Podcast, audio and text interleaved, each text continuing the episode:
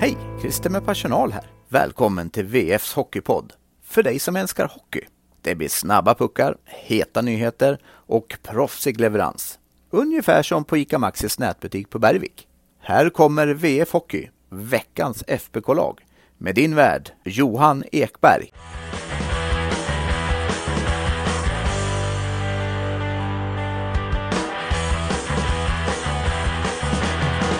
Efter två raka ettor kom en trea. Joakim Nygårds avgörande. Varför Färjestad slår flest icing SHL. Och Magnus Nygren om orden till fansen på sociala medier. Allt det där ska vi avverka när jag välkomnar er till säsongens sjunde avsnitt av VF Hockey, veckans FBK-lag. Och välkommen även denna vecka Jonas Griberg. Tack, tack. Och välkommen till vår nya ja, med poddstudio som vi står i nu. Exakt, Första vi har gången. ju flyttat tillbaka in på vårt eh, kontor på Kungsgatan och eh, där vi nu har äntligen fått ett riktigt, riktigt poddrum som enkom är för poddande. Vi mår bra här va? Mm, ja, men det är en, en jäkla skillnad att komma hit eh, gentemot hur det såg ut innan här. Nu, nu är allting sprillans nytt och vi har fått större, större lokal inne på sporten. Så ja, det är, det är roligare att komma till jobbet nu i den här miljön i alla fall. Mm. Och eh, Färjestad fortsätter väl ha roligt, eller de fick väl roligare att komma till jobbet här efter lördagen när de vann nere i Ängelholm. Eh, det är ju den matchen och eh, Modo-förlusten i sadden som vi ska prata om, bland annat här idag. Vi väver in en läsarfråga eller lyssnarfråga direkt. Emil Boström skriver, har man för höga förhoppningar på serielunken i oktober-november? De flesta matcher är rätt tråkiga just nu. Eh, den som får rätt snedstuds med sig vinner. Sen har man en svacka, tre poäng på ett gäng matcher, men behåller serieledningen. Vad säger det om övriga topplag? Det var en hel del invägt där. Vad, vad känner du?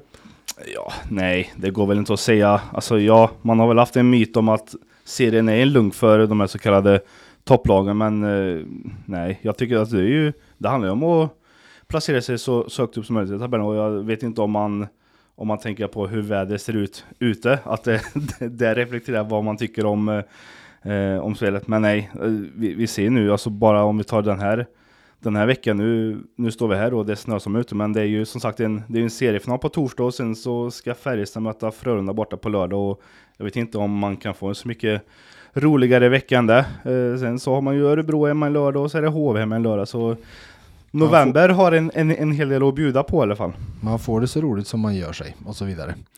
Eh, nej, men och alltså, jag pratade i lördags kväll då med Thomas Mittell innan de skulle sätta sig på flyget och flyga hem därifrån. Och han, det här han har pratat om och att ja, men det snacket om, eh, om enkla matcher och så vidare. Man kan ju verkligen begrava det var ju han inne på. Eh, och så är det ju. Eh, att det, det finns inga fri kort, liksom, om man säger så i SHL längre. Det är inga enkel, enkla matcher.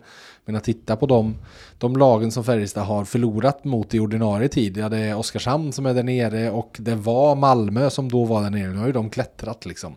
Och bara det faktum att det är fyra poäng från Färjestad till Luleå på andra plats. Sen är det fyra poäng. Går vi fyra poäng från andra plats Luleå neråt så kommer vi till nionde plats och Linköping. Men alla är ju, det är ju en klunga liksom. Det, är ju inte, det går nästan inte att säga tabellposition på de lagen utan alla är ju på samma ställe. Ja, ja, men så är det och så får du väl addera en, eh, en, en förlust mot en nykomling också i Modo. Och det är klart att för, skulle Färjestad förlora två, två matcher på raken då, då kommer de ju tappa några placeringar. Så, så enkelt är det ju. Så ja, nej, det som sagt, det har man ju sagt i många år. Det finns ju inga, inga lätta matcher i SHL. Är väl kanske en av Europas ja, jämnaste högsta ligor. Absolut.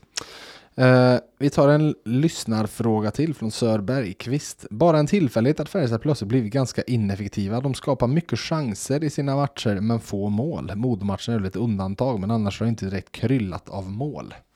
Nej, jag tror mer det handlar om att uh, det är svårt att hålla uh, en hög effektivitet över, över tid.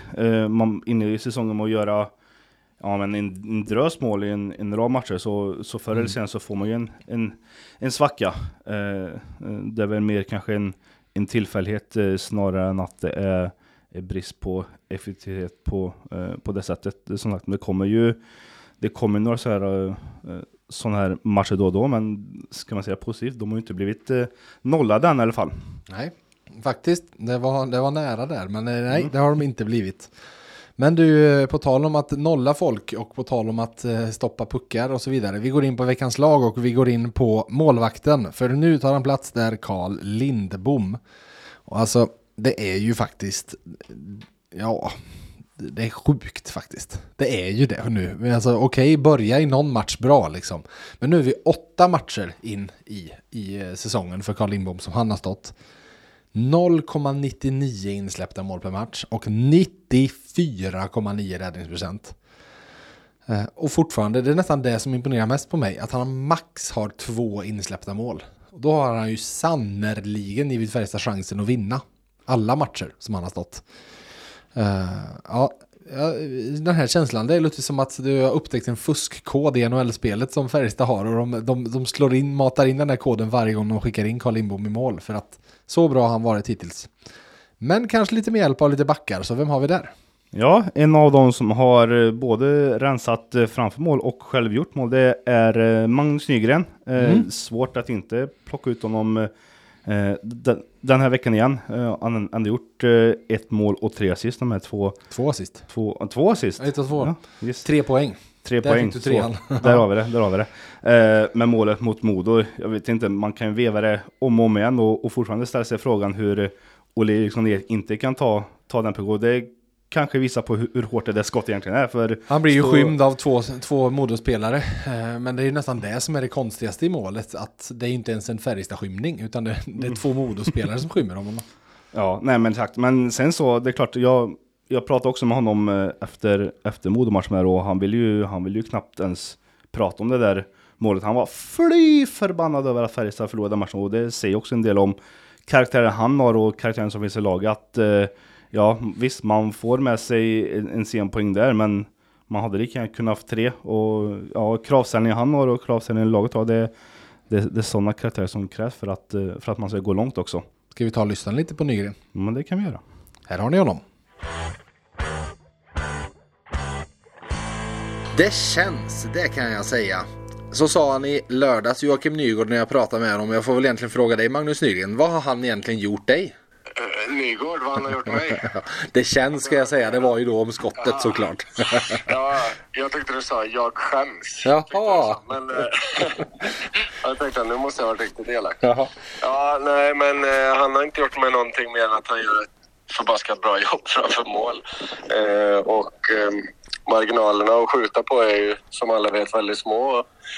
Eh, jag har haft eh, oturen att både skjuta ner Åsa och Nygård så här långt men eh, det går bra med dem och eh, det är tyvärr en del utav det. Så att, ehm, det är väl ett kvitto till dem att de är på rätt plats vid, vid rätt tidpunkt på något sätt. Hade de stått utanför så hade de inte fått den på sig. Så att, eh, de gör ett kanonjobb båda två. Du, för egen del då? Vilket är det hårdaste skott du har träffats av? Uh, ja, jag fick ett av ett tjeckiskt lag i Spengler Cup när jag bröt foten. Det måste väl vara det kanske. Så att, eh, man, man tror ju att foten är så bra skyddad bakom skridskon där, men det finns ju ömtåliga punkter där också. Och så finns det ju folk som skjuter eh, ganska hårt. Så att, ja, jag får väl säga det då. Det kan det vara en tre, fyra år sedan.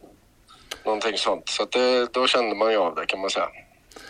Men eh, ja, det, det, det, gör väl lite ont. Men eh, jag ska väl säga Jocke Nygårds nästa citat i svaret var Men det var värt det. Och det är väl precis det som är grejen, att det måste vara värt det.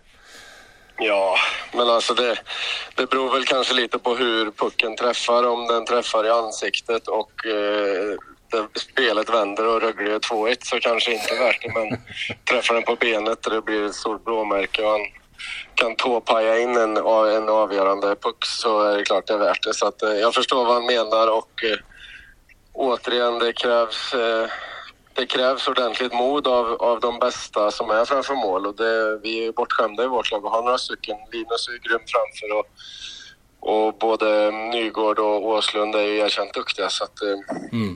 det är modiga grabbar vi har där framför. Det ska de ha all cred för. Vi ska säga att det där målet gav er 2-1 och eh, det var en innehållsrik match i Ängelholm. Eh, du var på isen på alla tre målen faktiskt. Jag tänkte vi ska ta det bakåt och börja i bakänden. Eh, det var lite hårda ord på sociala medier om Röglingskvittering och du var faktiskt ute själv och skrev om tonläget gubbar. Vi, gör alla våra, vi gör alla vårt bästa, ibland blir det fel. Det brukar ibland sägas att ja, man ska inte vara på sociala medier och spela, man ska hålla sig därifrån.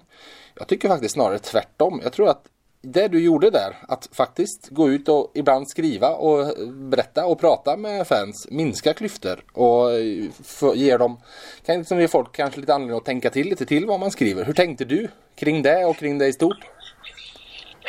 Jag vet inte om jag överhuvudtaget. Det är ju det som är grejen, att det blir mycket på instinkt och skillnaden är väl att instinkten när man är 33 är ju kanske något mer genomtänkta när man är 18 och 20. Så att, eh, eh, om jag ska vara riktigt ärlig så blir jag, jag förstår att det engagerar och, eh, och det är jag tacksam för och, och, i grund och botten så vill de alla väl och, och eh, mångt och mycket så skriver de ju vettiga saker och liksom det har ingenting att göra med att jag vill säga åh, ni har fel, jag har rätt, lyssna på mig. Det är inte det. Jag, jag fattar ju att det där baklängesmålet, det går ju att går ju att radera liksom i en perfekt värld och, och mm. göra på ett bättre sätt. Men, men eh, jag läste någonstans att jag var nonchalant och det är liksom... Ja, vi skulle kunna skriva en bok om det här. Jag tror inte att jag är nonchalant med, med, eh, med eh, mitt spel och inte med eh, någonting egentligen. Så det var väl mer det att de där personerna, de de vill ju oss väl, men de känner oss inte. De vet inte vår bakgrund. De vet inte... Eh, utan det bara vräks ur sig. Oj, det blev ett dåligt pass på en skridsko. Det vände och det blev baklängesmål. Då är man nonchalant och, och man har varit dålig flera matcher i följd. Och då, och då ibland blir jag bara så här, men lugn och fin. Det, mm. Skriv gärna att det var ett dåligt pass eller så här, dåligt PP just där och då, men vi ligger i toppen av powerplay. Det är ingenting som har varit efterföljande att powerplay var dåligt och det är ingenting som jag känner att jag vill eh, ja, men liksom förknippas ihop med att vara nonchalant och dessutom vill jag försvara andra i vårt lag också. Det är ingen annan som är det heller. Så att mm. ibland när man har tid och ork och vara inne och scrolla igenom lite grann så trillar man ju på sånt där och det är generellt ingenting som jag bryr mig jättemycket om. Och det är liksom inte så att jag kommer att vara ute och jaga folk nu och bara så, så där får du inte skriva. Utan alla skriver vad de vill men ja, det känns lite tidigt och lite hårt när man leder serien att, att vara både nonchalant, dålig och uh, ha dåligt powerplay när, vi, när det var faktiskt det som avgjorde matchen. Så, uh, jag känner väl också, det kan vara, jag känner några av de där, eller känner, men vet vilka det är. Och det är liksom inte frågan om att, att munhugga mot någon utan mer bara säga så nu tar vi ett djupt andetag, njuter av tre poäng och slutar såga folk vid fotknölarna. Liksom.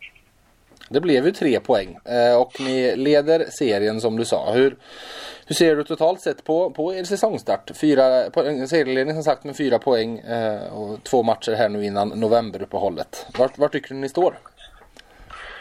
Ja, men jag tycker att vi med all rätt är i toppen eh, och att vi har förtjänat många av de poängen vi har tagit. Sen eh, tycker jag att vi skulle ha tagit något poäng till. Jag tycker att vi har det kanske fattades. Vi har haft lite små sjukdomar i laget. Så det kan man ju känna mot Frölunda hemma. Jag tycker att vi har ett klart spelövertag men liksom sista pushen finns inte för att avgöra. Mm. Eh, kanske till och med Luleå borta också där vi har två jättestarka perioder. Eh, men om det är vår lägsta nivå så tror jag vi ska vara nöjda så här långt och, och bygga därifrån och se till att lägstanivån blir ännu högre. Då har vi i alla fall satt oss i en väldigt bra position. Eh, men kraven är därefter och, och vi vill ju hela tiden bli ännu bättre. Och, eh, vi har ju spelat gäng matcher som vi inte alls är nöjda med. Modo borta. Eh, vi var inte nöjda med Timrå borta även om det lyckades bli tre poäng då. Det finns både Linköping och Leksand hemma är ju liksom inga matcher som vi står och klappar oss på bröstet för och tycker att vi har varit jättebra. Utan vi lär oss och vi försöker bli bättre som lag och som individer. Och jag tror att det finns en hel del mer att få ut av den här gruppen. Och då, är vi nöjda med situationen som den ser ut resultatmässigt så här långt. Mm.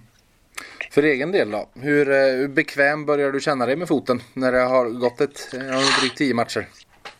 Eller 15-tal matcher får vi säga med CHL inräknat som du har spelat. Ja.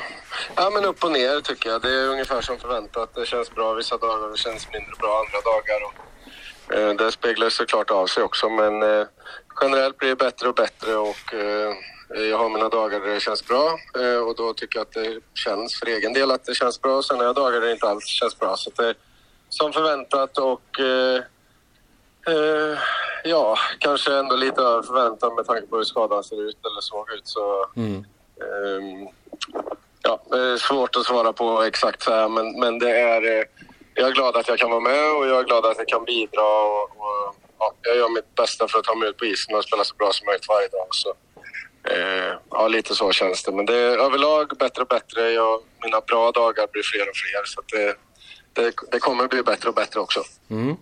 Du, den här veckan ska du ta dig ut på isen och det är, det är lite tajt spelschema. Ni mötte ju Rögle nu för andra gången på ett par veckor och nu ska ni möta Luleå för andra gången på ett par veckor och Frölunda för andra gången på ett par veckor också. Eh, det, det känns som det är, men det är ettan mot tvåan på torsdag och sen ner till Göteborg på lördag. Det blir inte svårt att hitta inspiration till den här veckan.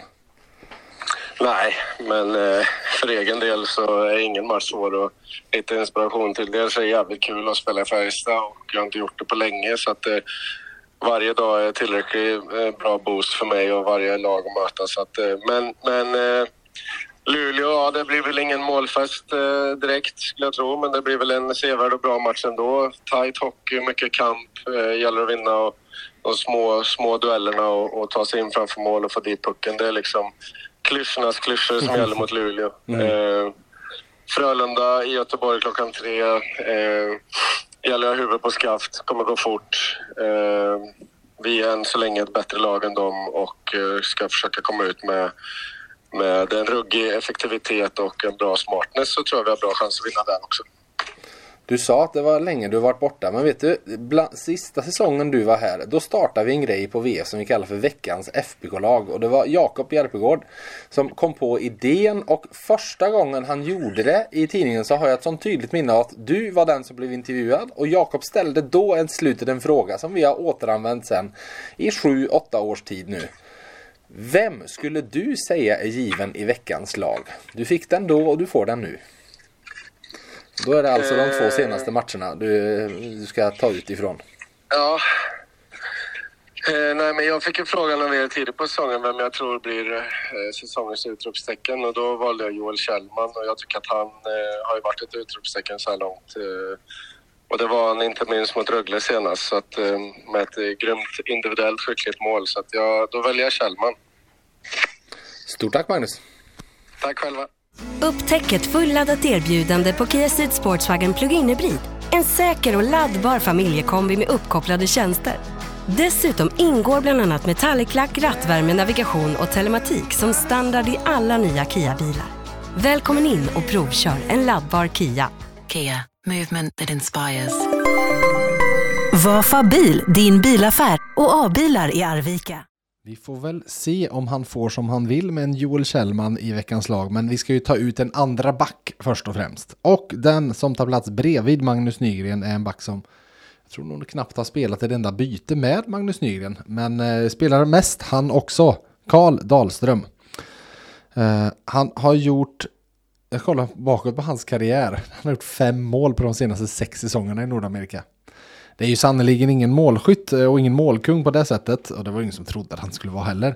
Men nu var han faktiskt riktigt nära mot Rögle och spräcka nollan. Eh, I en match där jag tyckte han tog lite mer offensiva eh, initiativ. Eh, och jag tycker även att han mot slutet nu har tvättat bort en hel del av de där passningsmisstagen vi har pratat en del om. Det är färre sådana nu. Eh, plus att jag, alltså efter så många år där borta, det är rimligt att det tar lite tid att tvätta bort det. Eh, Thomas Mitell har ju pratat om det med Jonathan Andersson, att han håller på att tvätta bort bulan från honom och Joel Kjellman tvättar bort Växjö. För att de är liksom så vana det och han vill att de ska spela på ett annat sätt. Efter alla de bort, åren borta i Nordamerika så, så är det en anpassning. Eh, och jag tycker Karl Dahlström i grund och botten är råstabil defensivt och gör en himla nytta. Eh, så den här gången får han en av platserna när vi hoppar fram till forwards. Mm, och eh, ja, vad ska jag säga? Magnus, Yrens, eller Magnus Nygrens ord är våran lag. Eh, Det säger jag.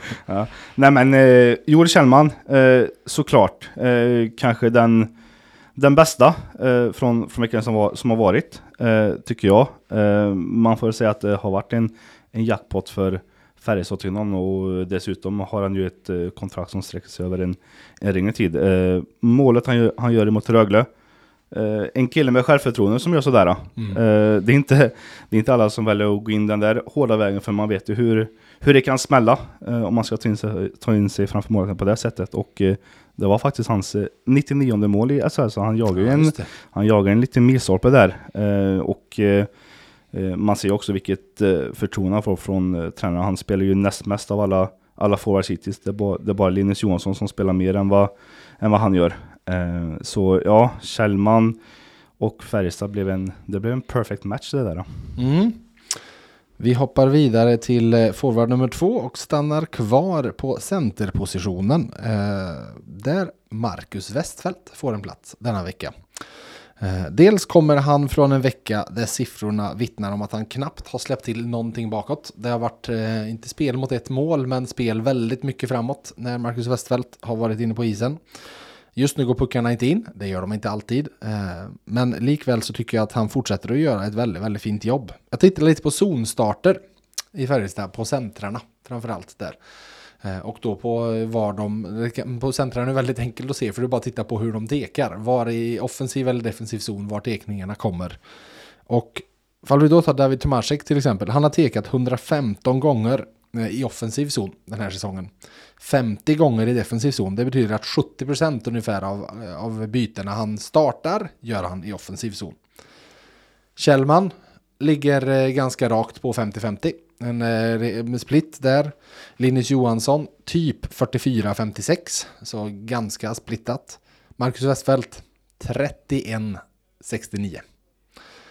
Alltså sju av tio byten börjar han i egen zon. Eh, och då måste man liksom ha med det ändå i en analys och i en utvärdering när man tittar på vad han har gjort. För att det är klart att skapa lägen framåt och skapa mål framåt. Det är betydligt svårare när du måste vinna tekning, hitta ett utspel ur egen zon, ta dig igenom mittzon, ta dig in i anfallszon och komma fram till mål mot att ja, tekning i offensiv zon. Det räcker att vinna teket så har du ett skottläge. Liksom. Så, nej, eh, jag tycker Marcus Westfeldt fortsätter att göra det riktigt, riktigt bra när vi har forward nummer tre och sista i laget kvar. Vem är det? Mm.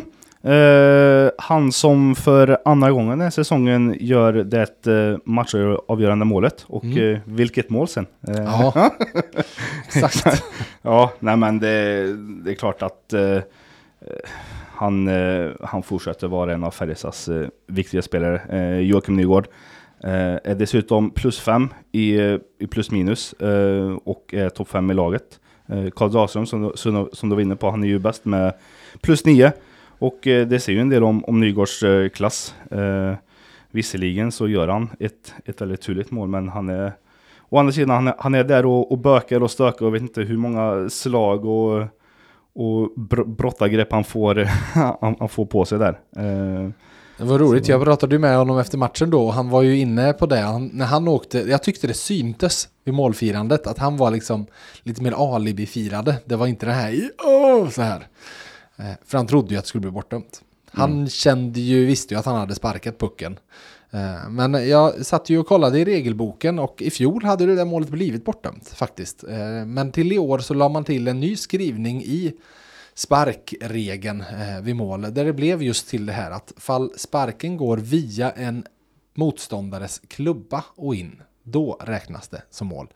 Däremot inte en utespelares klubba ska jag säga, för målvakten eh, spelar ingen roll. Så om du sparkar den via målvaktens klubba eller någonting in, då blir det fortfarande inte mål. Men just som det blev nu, och Ludvig Claesson var ju på med någon liten millimeter där, det är ju inte mycket liksom. Eh, Men det räckte, det räckte. Eh, Och eh, därav att det blev mål. mm. Och ja, ett annat, om man helt diskussion det var ju det målet som inte blev godkänt.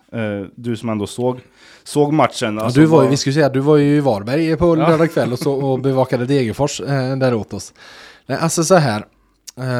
Jag tycker ju att, som jag, jag skrev efter matchen, att det enda jag har vetat om målgranskningar har ju varit, ja men blir man intryckt av en back, då, då, är, då ska det vara mål. Då är det backen som bär skulden till det. Eh, och, men sen är det ju det här, som jag har förstått och som Thomas Mittell pratade om efteråt, att domarna sa att det var tajt. Att det var en kampsituation snarare än att han blev intryckt. Och i en kampsituation, fall man, då, då blir det inte riktigt på samma sätt verkar det som. Då. Men jag, det, jag tycker det är ganska tydligt. Alltså så här, Linus Jo- det, Jag har sett många som har skrivit om att ja, men det är Viljanen Skridsko som träffar Rifalk. Ja, det, men det är Linus Johansson som träffar Rifalks eh, klubbspetsen. Träffar han. Så det är inget snack om att han stör honom. Men det är vem som bär skulden i att han stör honom. Och han tar ju en tajt väg. Det är ju inte givet att man ska kunna få ta sig in där.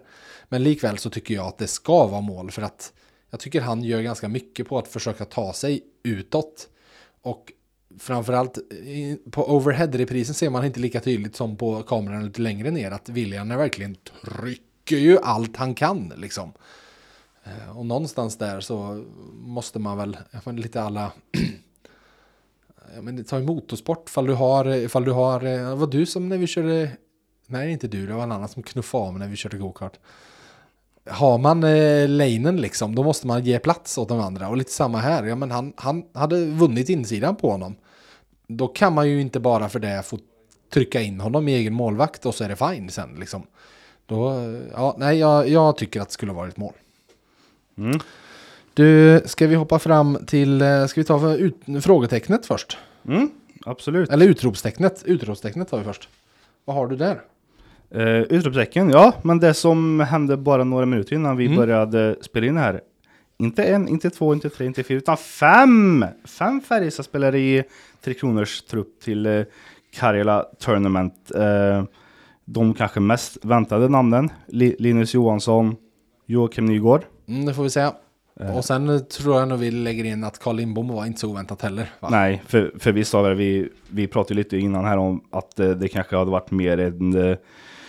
det kanske hade varit lite konstigt att inte ta ut honom eh, med tanke på den start han haft. Eh, välförtjänt eh, A-landslagsdebut på honom. Och eh, Sen kompisduon. ja, Mm. Victor Ejdsell, Karl Dahlström. Eh, Karl Dahlström sa jag att jag tyckte att det var en liten eh, min, min, men du, Jag du sa ju tyckte helt tvärtom. i, ja, men jag sa ju i, när jag och Sanni hade plusbetygspodden, då sa jag att Carl Larsson kommer spela i landslaget i vinter. Så att ja, jag, jag står ju på mig eh, kring det. Nej, men jag tycker, eh, det, jag tycker inte någon som var speciellt, eh, alltså det var ingen bara oj, herregud. Eh, att Anton Bengtsson från Rögle blev uttagen, den blev jag mer förvånad över med tanke på hur de har haft det hela hösten. Men nej, det är, det är mycket och eh, rimligt för Färjestad har såklart haft en väldigt, väldigt, väldigt fin höst. Men i denna fina höst så finns det ett frågetecken som faktiskt sticker ut en hel del. Och vi tar det i form av en lyssnarfråga från Alexander. Varför slår FBK så många icing? Ligger det i spelidé? Eh, och jag hade inte varit inne och tittat på den statistiken på ett tag, men jag, jag gick in där och jo, eh, Alexander har koll på läget. 77 icing, det är flest i hela SHL. Toppar före Timrå som har 74. Det är ju sak samma 74 eller 77, men för vi då tittar i andra änden av icing-tabellen, då är det Rögle och Malmö på 46 och 47. Så det är ju ganska mycket. Ja, du får se om du, har du någon liten teori kring det? Ja, jag tänker att det har väl kanske framförallt med att göra att uh, Färjestad ofta söker det lång, den långa passningen. Mm. Eh, och eh, ja, hur många gånger såg vi inte under guldåret här, uh, ja, med, Vi- ja, med Victor som, som ville lägga en lång passning tvärs över gatan till, till en åkande Daniel Wiksten. Och man har, man har ju fortsatt där. Och det är klart att det är inte alla gånger så passningen går fram. Sen så tror jag också mycket har att göra med eh, just att det är touch icing. Att man kanske ibland chansar på... Mm. Ja, för eh, den spelar de ju på.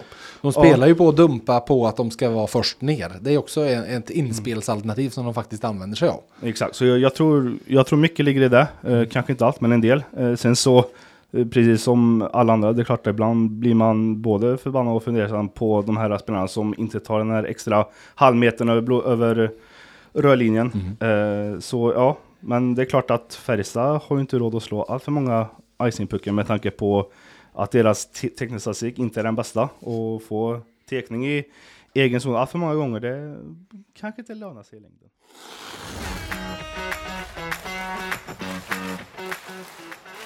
Hallå där!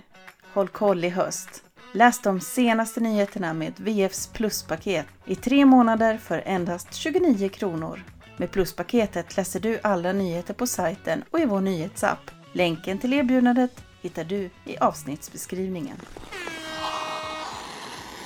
då ska vi hoppa över till fler lyssnarfrågor och jag börjar med en första till dig Gribba. Från Jonas Skröder. Mer generellt än enda som FBK, men han skriver att den gode Mike Hellberg brukar säga att efter 14 gånger så har serien satt sig mer eller mindre. Det är dock alltid ett lag som faller och ett lag som lyfter i tabellen. Om man utgår från detta, vilket är laget som faller och vilket lyfter? Vad har du för några? Mm, jag sa för, för ett tag sedan, många hyllade ju Modos eh, start. Och man brukar ju se över tid att eh, de här nykomlingarna har en tendens till att, till att rivas av till början. Men sen så kommer verkligheten lite ikapp dem. Så jag, jag, jag tror att Modo är ett sånt lag som, eh, som kommer vara under halvan.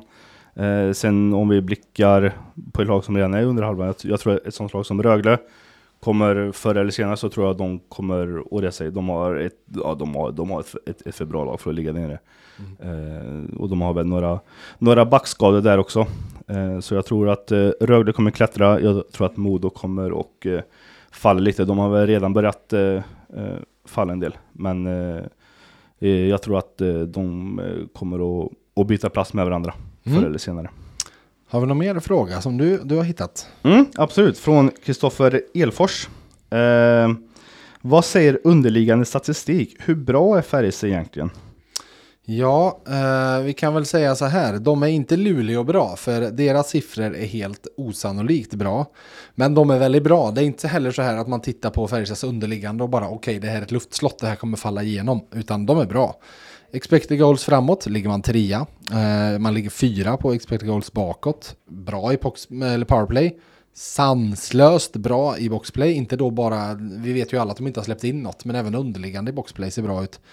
Eh, Och ett målvaktsspel som har varit i absolut toppklass. Så det finns fog för att tro att det här ska vara ett topplag som hänger kvar i toppen. Eh, du ska få en fråga från Mathieu Bod Bodström. Eh, hur tycker ni man ska tänka kring Lukas Forsell? Han har de flesta ingredienser för att bli en riktigt skarpskytt, men just nu får han inte till det. Och han är väl inte en optimal fjärdekedjespelare. Kan det bli en utlåning aktuell igen? Vad tror du?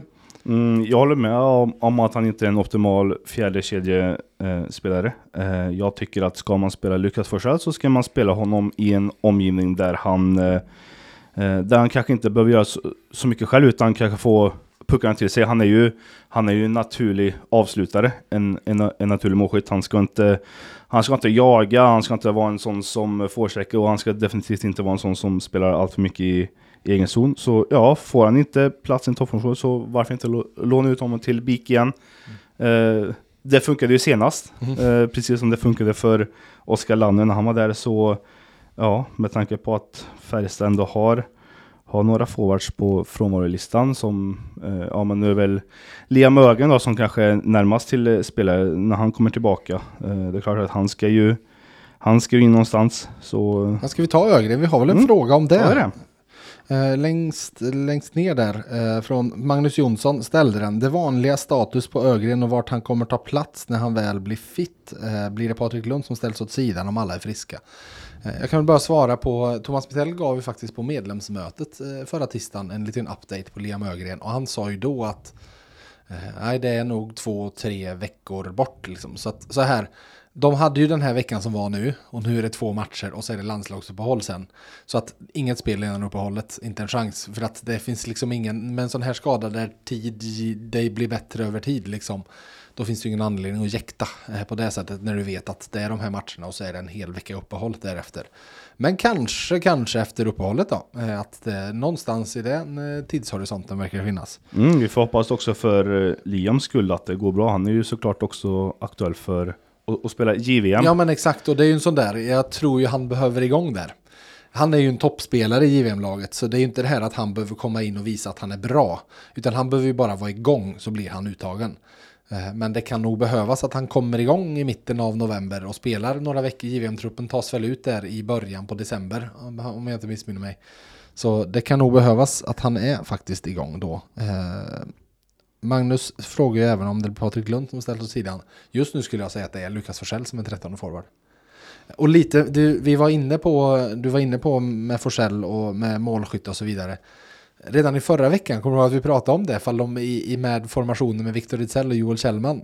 Fall det inte var läge kanske att testa någonting annat där istället för Oskar Lavner i form av att se om det går att få målmässig mer utväxling på att ha någon annan. För de, det är ju, jag, jag hävdar ju med bestämdhet att Kjellman, Ejdsell och Lavner har varit Färjestads bästa formation i höst. Jag håller med. Eh, sett till läge, alltså de har varit bra i princip hela tiden.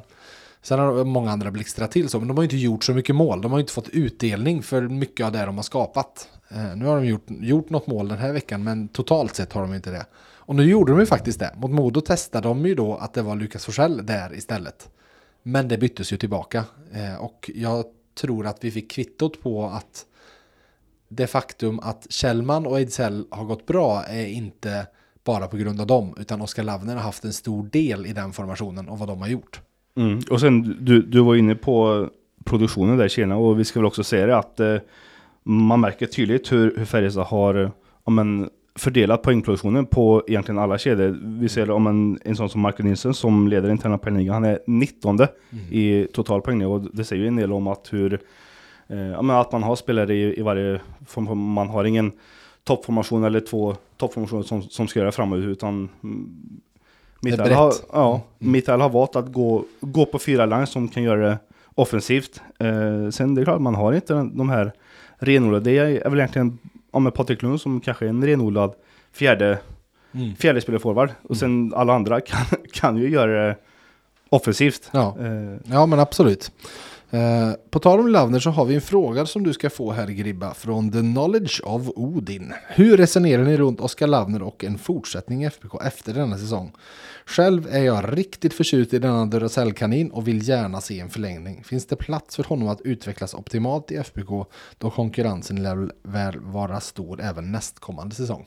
Ja, jag tycker att det är en no-brainer. Eh, det, är klart, det är klart som tusan man ska förlänga med honom. Det är ju en Värmlandskille eh, som eh, vad ska vi säga, alltså utan att nedvärdera honom, men bra i SHL, men kanske inte tillräckligt bra för NHL. Mm. Uh, och det är klart, det är ju en sån här, sån här spelare man vill bygga på. Under, per Åslund. Under. Ja men en Till, Per Åslund, Åslund en, ja men exakt, en Per Åslund, en Victor Excel, Linus Johansson. Det är klart att nu, nu för tiden, man har ju inte den här uh, stora stommen som man hade för många år sedan, om man mm. går tillbaka till Jönsson-tiden eller vad det är, när spelare liksom stannade om en nästan hel Hel karriär. Karriär. Nu, ja. nu ser ju hockeyn lite annorlunda ut, men det är klart att Lavner, ja, jag, jag har svårt att se honom i en annan Alltså, det skulle vara om han ville testa spel i Schweiz eller i Finland eller så, men ja. jag tror inte att han kommer, kommer sticka över till Nordamerika i alla fall, det, det tror jag inte.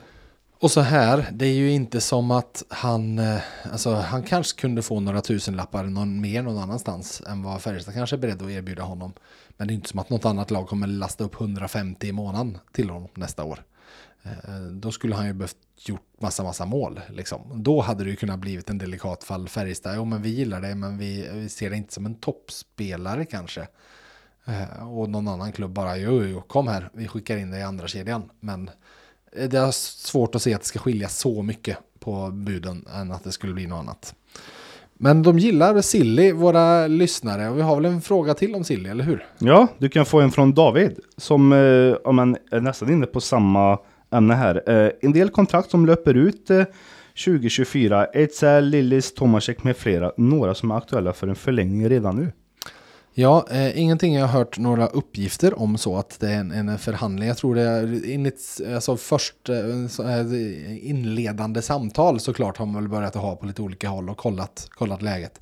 För mycket, mycket börjar ju hända någonstans här så brukar det ta fart lite från november och framåt.